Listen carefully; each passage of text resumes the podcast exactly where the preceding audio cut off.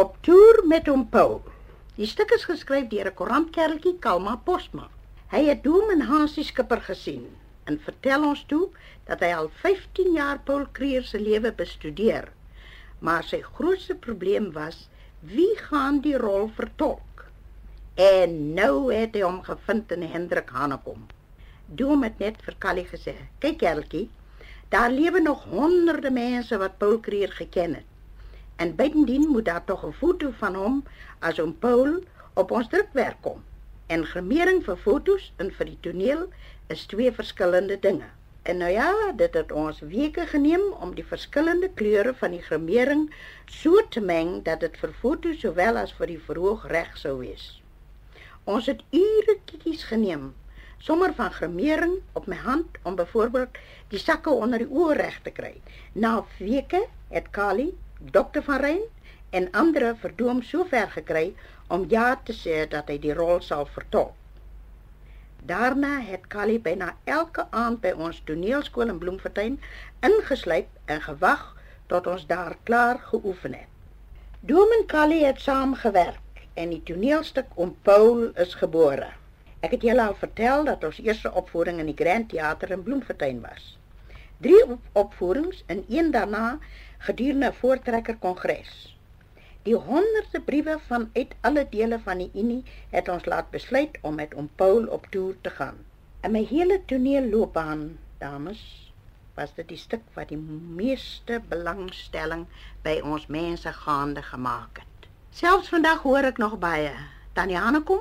Ek was nog sommer 'n klein chokkertjie, maar ek onthou om Paul baie goed. Toe was baie kleiner as om Paul maar ons was gelukkig om die regte mate te hê. Dus toe Hendrik Hanekom op die verhoog staan, was dit net Paul Kreer. Kiri, pyp, skoene met wighakke wat ons almal oor see laat maak het. Selfs die verweel gordyne het 'n firma vir ons bestel. Ek moes elke blommetjie op die gordyne rooi en blou verf. Ons ouer mense het hom Paul se huis goed geken en daar is min mense wat in Pretoria woon of daarheen kom wat nie die Kruierhuis besoek nie. Ons was gelukkig om een van die beste pruik en baardmakers in Suid-Afrika te hê en hy het hom Paul goed geken. 'n Engelsman dames wat lief was vir hom Paul. Hy het hom ook baie wenke gegee. Ek sê julle net graag weer vertel dat Doom 9 uur die môre met sy gremering begin het en 5 uur het die afnemer hom kom haal na sy ateljee om foto's te neem. Ons was reg vir die lang pad en vol vuur om hom Paul vir ons land te bring. Snaaks, maar ek het altyd gevoel Doom was geïnspireerd. Want soos ek vir julle vriende al reeds vertel het, het hy na Pretoria gegaan en ure in die kruierhuis deurgebring om 'n figuur soos Paul Kreer te vertolk was nie net moeilik nie, maar gevaarlik. Honderde mense leef nog wat hom geken het en een boer in die Vrystaat het een aand na die spel gesê: "Nee, president, ek ry nou al myle agter julle aan. Ek het julle nou al 4 maal gesien en ek soek Hendrik Hanekom, maar sien net die president wat ek goed geken het." Ek het elke aand gewonder wanneer Hendrik Hanekom om Paul se afduim sal vergeet. Op Reddersburg was Dominee Posma, Dr. Okilis by die opvoering. Na die spel kom hy met trane in sy oë, sê niks. Druk net Dom se hand. Die môre volgende môre vra hy: "Meneer Hanekom, hoe het jy geweet dat die president as hy van 'n stoel opstaan sy skouers optrek?" Dom sê toe: "Dominee, Ek het nie geweet nie. Maar ek was bang my menel het gesak en op Paul se skouers was mos breed. Kan jy nou sien, dames? Daarom sê ek Doom was geïnspireer. Die entoesiasme was buitengewoon. Sale uitgepak. Ou mense het gekom. Hulle het niks van konserte geweet nie. Hulle het na hulle president kom kyk. Kan jy nou sien waarom alles so perfek as moontlik moes wees? Ons is toe op weg Suidwes-Afrika toe op uitnodiging van Dr. Conradi die administrateur. Net soos in die Unie was ons ontvangs in Suidwes-Afrika oorweldigend. Toe ons 'n windhoek speel, kon daar 'n kom daar 'n man en sê: Meneer Hanekom, al moet julle op Sondag by my kom speel. My mense moet julle sien. Dit was 'n probleem. Ons toer was gereël met hom Paul tot by Grootfontein en Swakopmin. En ons sou terugkom met 'n ander stuk. Die plekkie se naam was Dreamy Hopses, 30 myl van Gobabis af. Ons het toe alreeds vir 'n middagvertoning ook op Gobabis bespreek. Al uitweg was, ons moes Sondag van Windhoek na Gobabis ry en in die oggend daar gaan speel. Ons is dagbreek weg na Dreamy Hopses toe. Daar was nie eens 'n gemaakte pad nie en die sand was swaar. Die plekkie lê teenoor die Kalahari. Ons kom toe so rukkie voor son op by die skooltjie aan. Daar was net die skool en koshuisie.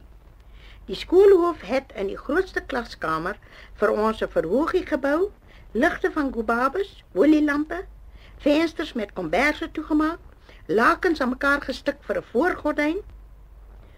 Toe ons voor die skooltjie stilhou, kom daar 'n ou baas met 'n wit bosbaard en sê: "Waar is my president?" Ons kyk na mekaar. Wat nou? Gelukkig soos Doo maar altyd alles kon regkry sê hy. Wag oom, ons drink eers koffie. En 1 2 3 sien jy jou president daar binne. Die skoolhof het ons al in Windhoek gewaarsku dat die mense niks van toneel af weet nie. Hulle kom net om hulle president te sien. Daar was seker tussen die honderde mense nog ten minste 20 wat oom Paul geken het. Hulle was almal Angola boere.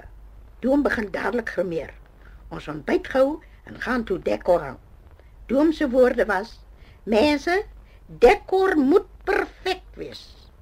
Alles moet reg wees. Daar is vandag mense hier wat al in ons Paul se huis was.